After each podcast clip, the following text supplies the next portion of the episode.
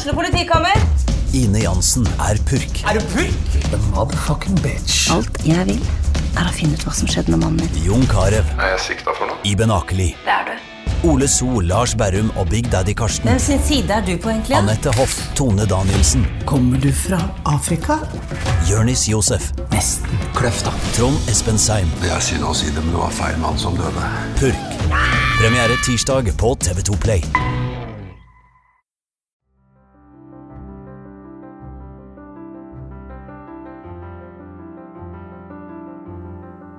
I dagens episode forteller Lykke Sofie Myrås helt ærlig om hennes opplevelse med lipødem. Men før vi begynner, så må jeg bli litt bedre kjent med hvem Lykke Sofie er. Du, jeg er ei som er veldig opptatt av å dele mine erfaringer med verden. Kan man si sånn? Ja, det kan man si. og det gjør du f.eks. på TikTok? Ja, du, jeg eh, prøver å være litt sånn storesøster. Um, for liksom, ja 14-15 år gamle jenter som kanskje ikke har en storesøster eller um, et sterkt liksom, kvinnelig forbilde i livet sitt. Jeg prøver rett og slett å være en person som jeg trengte når jeg var 14-15. Så ja, det er vel kanskje det jeg er. Prøver så godt jeg kan å være et godt forbilde for uh, yngre jenter. Og så eh, snakker du jo litt om eh, noe som heter lipødem. Kan du fortelle meg litt om det? Lipidem er en eh, fettsykdom hvor man får fettansamling i kroppen som man ikke kan trene vekk. Eh, man kan ikke endre kosthold, og så forsvinner fettet. Um, det må opereres ut eh, via fettsuging. Da. Er det noe som du har hatt eh, hele livet? Jeg er nok født med lipidem, men jeg utvikla det ikke før i 2019, når jeg var 23. Så kom det på ganske kort tid, ca. et halvår, hvor jeg merka stor forskjell i liksom lår- og hoftepartiet. Jeg husker jeg hadde en spesifikk jakke som jeg klarte å lukke helt igjen når jeg kjøpte den i august. Og så når desember kom, så klarte jeg ikke å lukke den igjen. Og jeg hadde ikke gått opp i vekt andre steder på kroppen. Jeg var veldig aktiv. Det var liksom ikke noen grunn til at jeg skulle gå opp i vekt. Og siden mamma hadde diagnosen fra før av, så visste hun hva symptomer man skulle se etter.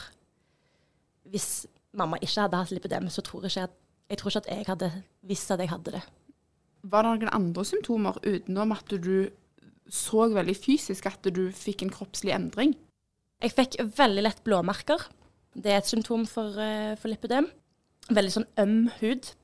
Jeg begynte å få litt vondt i knærne. Som om liksom at lårene mine var tyngre enn det knærne mine klarte. Så det var ganske slitsomt å gå mye oppoverbakke. Det var sånn vondt i, i kneleddet. Og så bare det at sånn lårene mine var litt sånn uproporsjonelt feil for resten av kroppen. Det er vel de første symptomene. Men de, de er ganske De første symptomene er ganske små. Og hvis man ikke vet at lipidem eksisterer, så legger man ikke så godt merke til dem. Nei, det høres ut som at hvis det hadde skjedd med meg, så hadde jeg ikke tenkt to sekunder på det. Jeg hadde tenkt OK, og så gå videre, på en måte. Ja, man tenker bare at sånn Det var litt Å ja, det var litt rart. Og nå har jeg litt vondt her. Alle har jo litt sånn vondt Ja, ja, ja. i kroppen. Ikke sant? Og hvis man har trent litt, så har man litt vondt. Og ja, man tenker liksom ikke så mye eh, over det. Så de aller fleste som er i tidlige stadier av lipødem, aner jo ikke at de har det. Og det er ikke før det blir ganske langt ut i sykdomsforløpet at man begynner å se at sånn, her er det noe som er galt. da. Hvordan utvikler det sykdomsforløpet seg? Ja. Kan du si noe om det? Det starter jo med disse små endringene, ikke sant. At man går litt opp i vekt, og man blir litt sånn øm og vond. Og så blir de tingene egentlig bare forsterka. At man får enda mer smerter. Det blir vondt å bare gå vanlig. Man blir bare større og større. Og ting som bare å gå en tur kan være vanskelig. Mange sliter også å gå på jobb etter hvert, fordi det er så fysisk belastende, da. Og så kan det òg bli psykisk belastende, fordi man ser at man går opp i vekt. Så er det mange som sikkert prøver å gå ned i vekt. De trener masse, kanskje de prøver forskjellige slankekurer. Ingenting funker. Og da tenker man jo med en gang at det er noe galt med meg. Ikke sant? Alle andre klarer å gå ned i vekt, hvorfor klarer ikke jeg det? Jeg vet om flere som har utvikla spiseforstyrrelser, andre psykiske utfordringer fordi at man er så frustrert da, at man ikke får det til, og tenker at det er sin feil, men det er jo ikke det.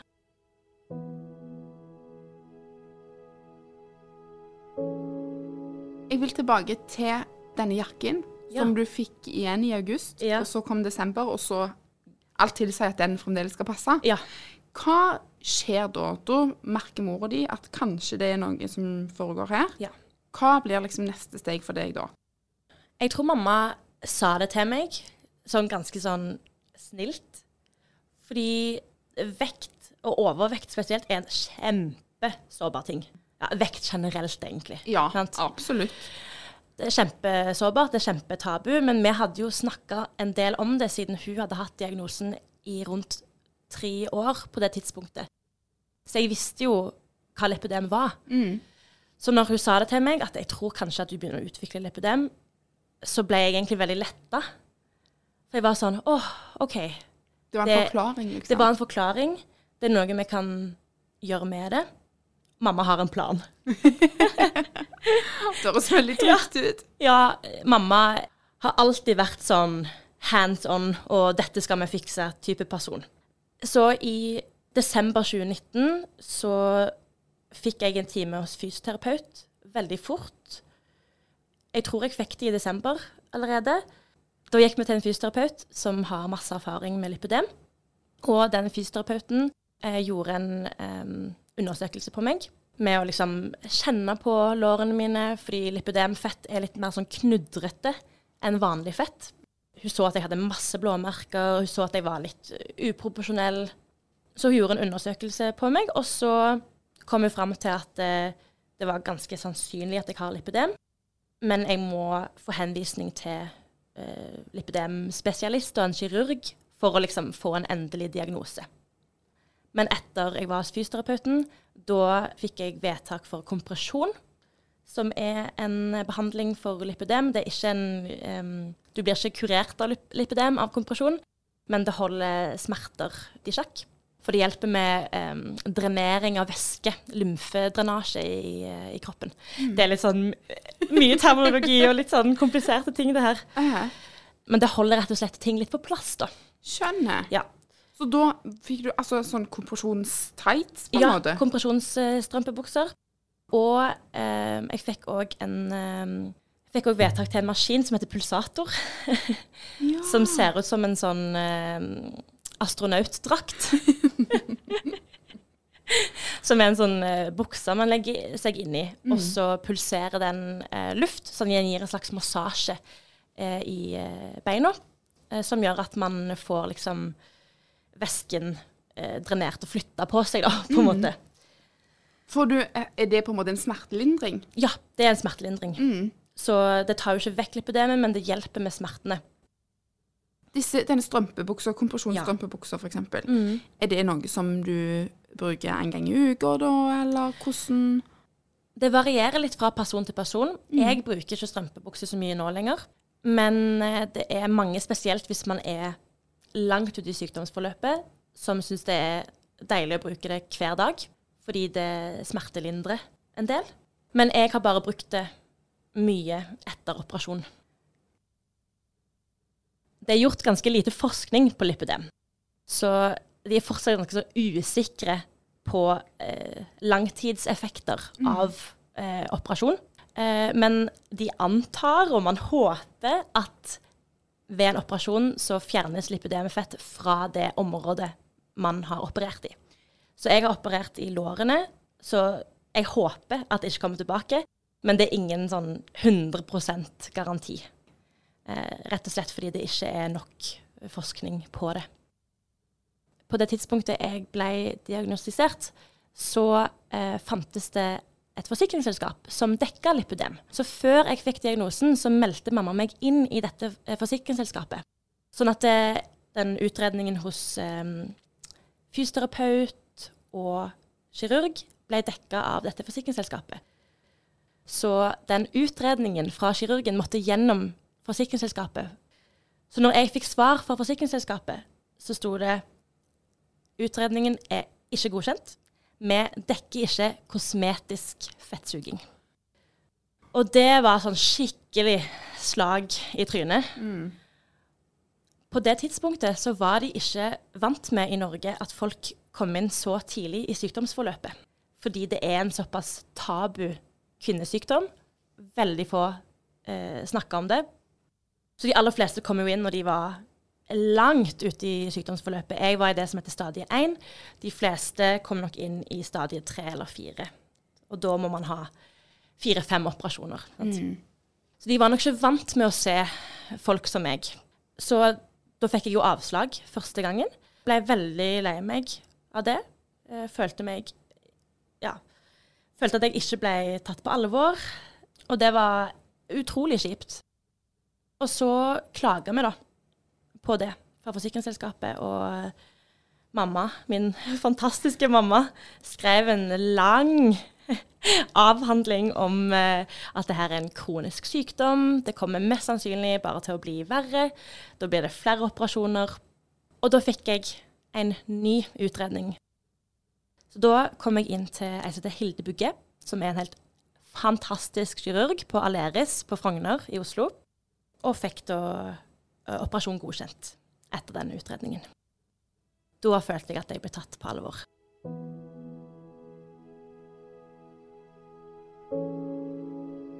Hvis man ikke har eh, forsikring, som egentlig ingen har, fordi nå er det ikke noen forsikring som dekker lipidem, så må man jo gjennom den samme utredelsesprosessen og få det godkjent av kirurgen. Så forsikringsselskapet var egentlig bare en mellommann. Og det kan hende at jeg hadde fått avslag om det ikke var forsikringsselskap òg. Fordi at de mente at jeg ikke hadde nok smerter, eller ikke var langt nok uh, ute i sykdomsforløpet. da.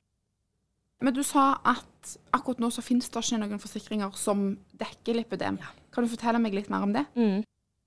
Så når jeg skulle opereres, rett før eller rett etter, jeg husker ikke helt, så bare slutta eh, det forsikringsselskapet å dekke lipidem. Men siden jeg hadde meldt meg inn før de slutta med det, så får jeg fortsatt lipidem dekka. Ja. Så vidt jeg vet, så får jeg det fortsatt for fremtidige operasjoner òg. Veldig bra. Så du var superheldig. Jeg var kjempeheldig der. Det fins ingen forsikringsselskap per i dag som dekker lipidem, som jeg vet om i hvert fall. Og det er kjempefrustrerende. For dette forsikringsselskapet er ikke spesielt dyrt heller. Så det var jo en supergod ordning. Men eh, ja, de slutta jo akkurat når jeg hadde operert. Sånn at når jeg begynte å snakke om lipidem på TikTok, og folk spurte meg hvordan kan jeg få operasjonen, det var så hjerteskjærende å måtte si jeg hadde en forsikring, du får ikke den samme hjelpen. Jeg følte meg så sånn, sånn ekkelt privilegert, på en måte. At sånn Jeg fikk kjempegod hjelp. Jeg, nå introduserer jeg lipidem eh, til Norge. og liksom ingen kan få den samme hjelpen som meg. Det var skikkelig sånn uh, guffen uh, følelse. Og jeg ble kjempelei meg når jeg fikk melding på melding på melding på frustrerte folk som hadde oppdaga at de hadde lipidem pga. meg, og var helt fortvila. Og hvordan går jeg fram nå? Og så hadde ikke jeg et godt nok svar. Det er kjempeubehagelig. For jeg ville jo bare si til de sånn Ja, men bare meld deg inn i dette forsikringsselskapet, så får du dekka. Og så var ikke det en mulighet lenger. Så jeg har kjent på mye dårlig samvittighet for at jeg fikk så god hjelp. Og det er jo helt sånn fælt, fordi det er jo ikke, måte, det er jo ikke min feil. Nei. Men eh, jeg har følt på en, eh, mye ansvar da, eh, for å ha løsninger.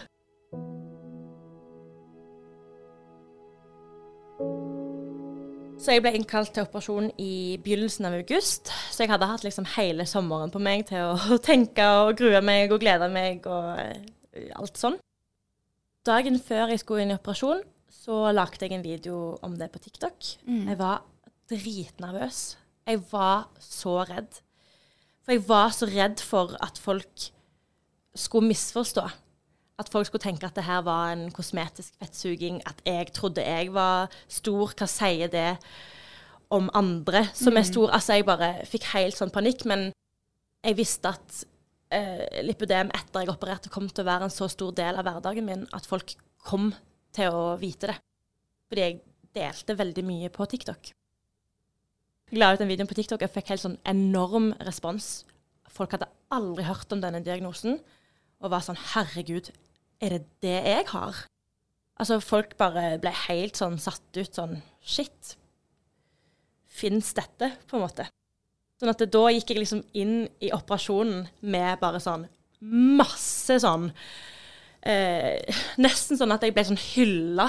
Og jeg var helt sånn eh, det, det, føltes veldig mye, da. Mm. Men òg veldig fint. For jeg fikk enormt mye støtte. Jeg gikk inn i operasjonen med masse kjærlighet, og folk heia på meg og gleda seg til å følge med videre, da. Så da kom jeg inn på eh, Aleris og møtte kirurgen. Som sagt, fantastisk menneske. Hilde Bugge. Og ja, ble jeg fortalt om hvordan prosessen skulle være. Det var en eh, operasjon med narkose. Hun kom inn, og så tegna hun liksom på eh, kroppen min for å vise hvor de skulle ta fett fra. Um, Hvor skulle de ta det fra? Da skulle de ta fett fra under kneet og så opp til si, lysken. Um, og da gikk de inn og fettsuga med uh, Holdt på å si mikroskop. de gikk liksom inn eh, lokalt. Det er ikke sånn at de åpner opp hele låret, liksom. Mm. De går inn i veldig små eh, åpninger, mm. og så fettsuger rundt på lårene. Mm. Det syns jeg var et veldig rotete svar. Nei, det, det, som det betyr, er jo at du ikke har store arr, f.eks. Jeg har veldig små arr. Ja. Mm. Kan du se de? Jeg kan se de. Ja. Jeg tror ikke folk flest legger merke til de. Nei. For jeg vet hvor de er. Mm. så ja, så jeg kom inn, kom inn, i operasjonsrommet, og så eh, ble jeg lagt under narkose. Plutselig våkna opp igjen. Uh -huh. Så jeg kjente jo ingenting av operasjonen eller noen ting. Eh, men veldig vondt etterpå. Ja, under operasjonen. Ja. Hvor mye fjerna de fra lårene dine da? De fjerna 4,2 liter fett, og så 700 milliliter væske. Ganske mye. Så nesten fem liter da, ja. med væske og fett. Jeg syns alltid det er litt vanskelig å vite hvor mye, mye 4,2 liksom? liter er. Det er ca. nesten seks vinflasker. Ja, det er ganske mye. Ja. Hvis man ser på det på den mye. måten, så er det ganske mye. Eh, men eh, til å være en lipidemoperasjon, ja. så var det ganske lite. Ja. Fordi jeg er i stadie 1. Ja. Så mange tar mer enn det. Så etter operasjonen så våkner du opp. Mm -hmm. Hvordan er det, Har du vondt da? Når jeg våkner opp, så er jeg jo eh, veldig neddopa. Heldigvis. ja, så jeg kjenner ikke hvor mye jeg har vondt da. Men jeg våkner opp at det lekker ut av kroppen min. Og det var det ingen som fortalte meg før jeg ble operert. Det hadde jeg ingen anelse om. Eh, fordi man har jo en hel haug med åpne sår. Man er kjempeeksponert for eh, infeksjoner og ja, alt mulig. Ja. Det er uggent. Og når man blir operert med fettsuging, så, så vidt jeg har forstått, så må de på en måte åpne opp um, for å kunne på en måte se fettet bedre. Så blir du på en måte litt sånn uh, oppblåst av uh, type operasjonsvæske. Uh, så det skulle jo ut igjen. Ah. Så um, når jeg våkna opp i senga, så var det jo helt sånn dam med liksom væske som bare seip ut av meg. Så rart. Ja. Og det føler jeg sånn Det tror jeg ikke jeg har snakka så mye om før, men det tror jeg er sånn ganske kjekt å vite om man skal opereres, fordi ja. jeg hadde ingen anelse. Jeg, jeg lakk, liksom. men eh, blod eller nei? Både, ja, blod i starten, ja. og så begynte det å roe seg litt. Så, så blod og litt sånn gulaktig væske, mm. som sikkert er denne her operasjonsvæska, og kanskje litt fett. Jeg er litt usikker. Men det, bare, det kom i hvert fall væske ut av meg. Det husker jeg som en av de første tingene som var sånn Oi, shit! For jeg hadde sånn der, du vet, sånn um, Noen tisse... Sånn tissematte ja. man lå på. Mm. Mm. Eh, og at eh, det gjorde veldig vondt da, etter hvert. Eh, Hvordan vondt? Altså, Var det en smerte som du hadde kjent på før, eller var det en ny type smerte? En ny type smerte, mm. eller nytt nivå av en type smerte, vil jeg mm. si. I starten så var det veldig sånn brennende smerter, trykksmerter.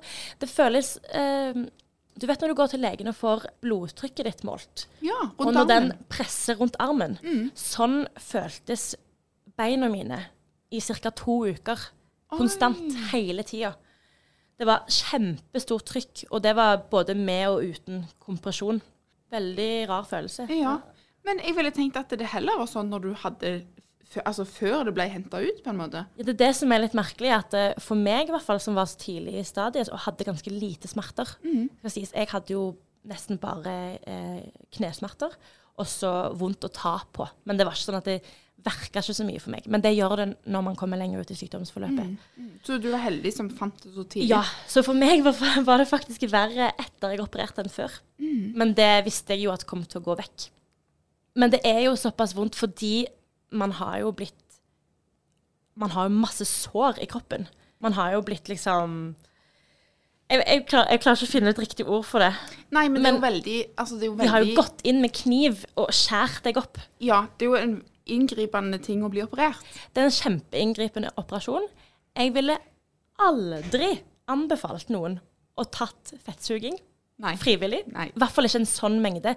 Man tar ikke så mye når man gjør kosmetiske inngrep. Men fy søren, det er vondt. Det er så vondt etterpå. Du er sånn gangsperr, støl, gange 100 ganger 1000. Det er, du, man sliter med å liksom stå oppreist og gå. Man er helt sånn stiv, og det brenner og det stikker, og det er sånn kjempeubehagelig. Hvor lenge hadde du det sånn? Det er litt vanskelig å svare på, fordi det er mange sånn stadier av smerte. Men det verste var nok de første to ukene. Så var jeg veldig heldig. Jeg klarte å gå etter Jeg klarte egentlig å gå dagen etter, men jeg gikk som en gammel dame. For å si det Så sånn. ikke ut som du var 25 år. Jeg så ikke ut som jeg var 25 år. Jeg klarte ikke å strekke ut kroppen og beina, liksom. Eh, for som du sa, man har vært gjennom en kjempeinngripende eh, operasjon. Eh, men jeg ble litt overraska, egentlig, over hvor kjapt jeg kom meg på beina igjen. Men det tok jo Det har vel egentlig tatt sånn Nå er det rett under to år siden jeg opererte, og nå begynner jeg å kjenne meg normal igjen i beina. Man mister mye følelse sånn. Man blir veldig sånn nummen um, der man har operert. 4,2, altså nesten 5 liter Ja. Med væske fra låra. Det må jo ha gjort en visuell endring på kroppen din òg. Hvordan var det å våkne opp fra en dag til en annen, Ja. så ser du ganske annerledes ut? Mm. Det var ganske Jeg klarer ikke helt å finne det riktige ordet, men det var ganske sykt med en gang å se hvor liksom tynnere bein jeg hadde. Men det varte i ca. en time, og så blir man kjempehoven. Eh, så blir beina fylt av eh, væske, rett og slett. Så det tar ganske lang tid før man ser hvordan man faktisk ser ut. Men jeg husker veldig godt eh, Jeg tror tre uker etter operasjon, når jeg prøvde dongeribukser for første gang. Da tror jeg jeg nesten begynte å grine. Eh, for det var en helt ny opplevelse. Plutselig så passa jeg bukser på den måten de var meint til å passe. Jeg husker før jeg opererte meg, så prøvde jeg alltid sånne boyfriend jeans som skulle være løse. De var aldri løse. De var alltid stramme sånn øverst i lårene, og så var de løse på leggene. Så det å kunne gå inn bare på en sånn hvilken som helst butikk, sånn HM, det hadde aldri skjedd før. Jeg måtte gå inn på veldig sånn spesielle Det var spesielle modeller jeg visste jeg passte fra spesielle butikker, liksom. Og bare gå inn og bare prøve hvilken som helst bukse, og så passer den. Det var sånn helt sykt. Og eh, fint og emosjonelt, egentlig. Jeg tror for veldig mange som opererer seg for lipødem, at det er veldig sånn emosjonelt å se kroppen sin, hvordan kroppen er meint til å være. Jeg husker når jeg begynte å liksom bli kvitt all hevelsen og sånne ting, at jeg så meg sjøl i speilet, så var det sånn Ja, der, der var jeg, på en måte. Du kjente deg igjen, på en måte? Jeg kjente meg igjen. Det var sånn jeg skulle se ut. Nå ser jeg proporsjonell ut fra resten av kroppen min. Men da tenker jeg litt på hvordan selvbilde du hadde før du fikk operasjon òg. Ja. igjen, det er jo en veldig sånn visuell ting å ha lipødem. Hvordan påvirker det deg? Jeg var alltid veldig usikker på, på beina mine. Likte ikke å gå i eh, shorts eller skjørt som viste lår og knær. Ja, syns at jeg bare Kroppen min så feil ut, liksom. Den var uproporsjonell. Uh, så jeg var veldig hadde dårlig selvtillit på ja, hvordan kroppen min så ut, egentlig. Men siden jeg på en måte visste at lipødem lå i familien, så var det alltid sånn baktanke om at uh, det kan jo hende at det er det. Og det fant jeg ut av etter hvert. Så jeg ble egentlig bare veldig letta når jeg fant ut at det var lipødem, for da visste jeg at det er ikke min feil, og jeg kan gjøre noe med det.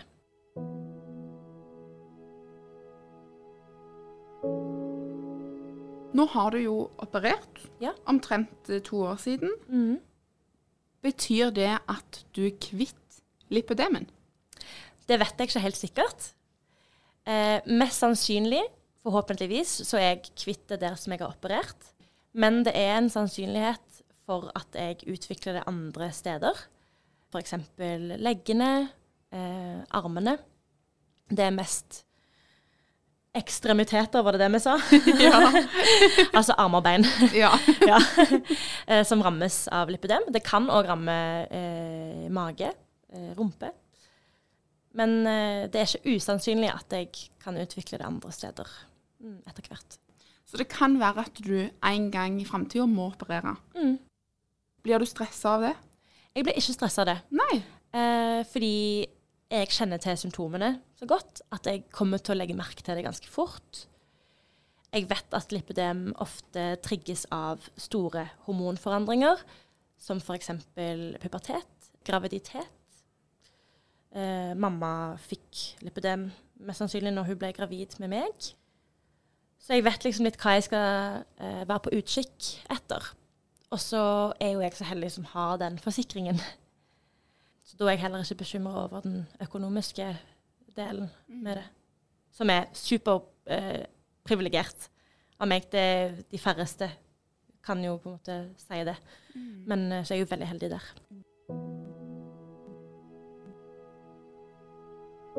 Vi har jo snakket litt om TikTok, f.eks. Ja. Og du har jo vært veldig åpen om eh, lipødem, men òg andre ting på TikTok som kan Ja. være litt sånn tabubelagte. Hvorfor tør du det?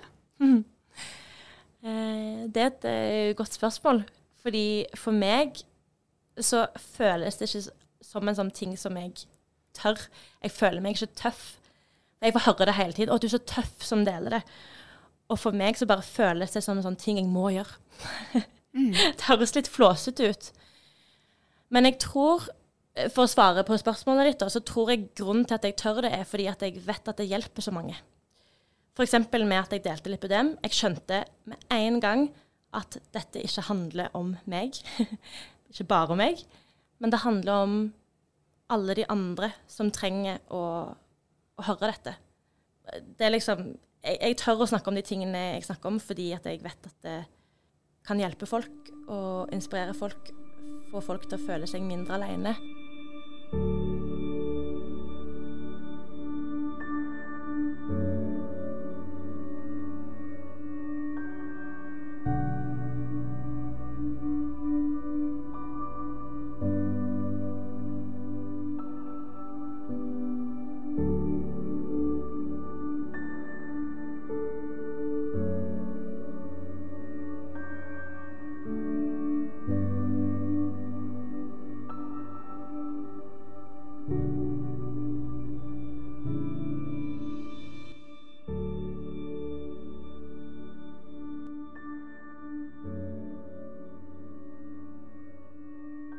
Har du et enkeltpersonforetak eller en liten bedrift? Da er du sikkert lei av å høre meg snakke om hvor enkelt det er med kvitteringer og bilag i fiken, så vi eh, gir oss her, vi. Fordi vi liker enkelt. Fiken superenkelt regnskap.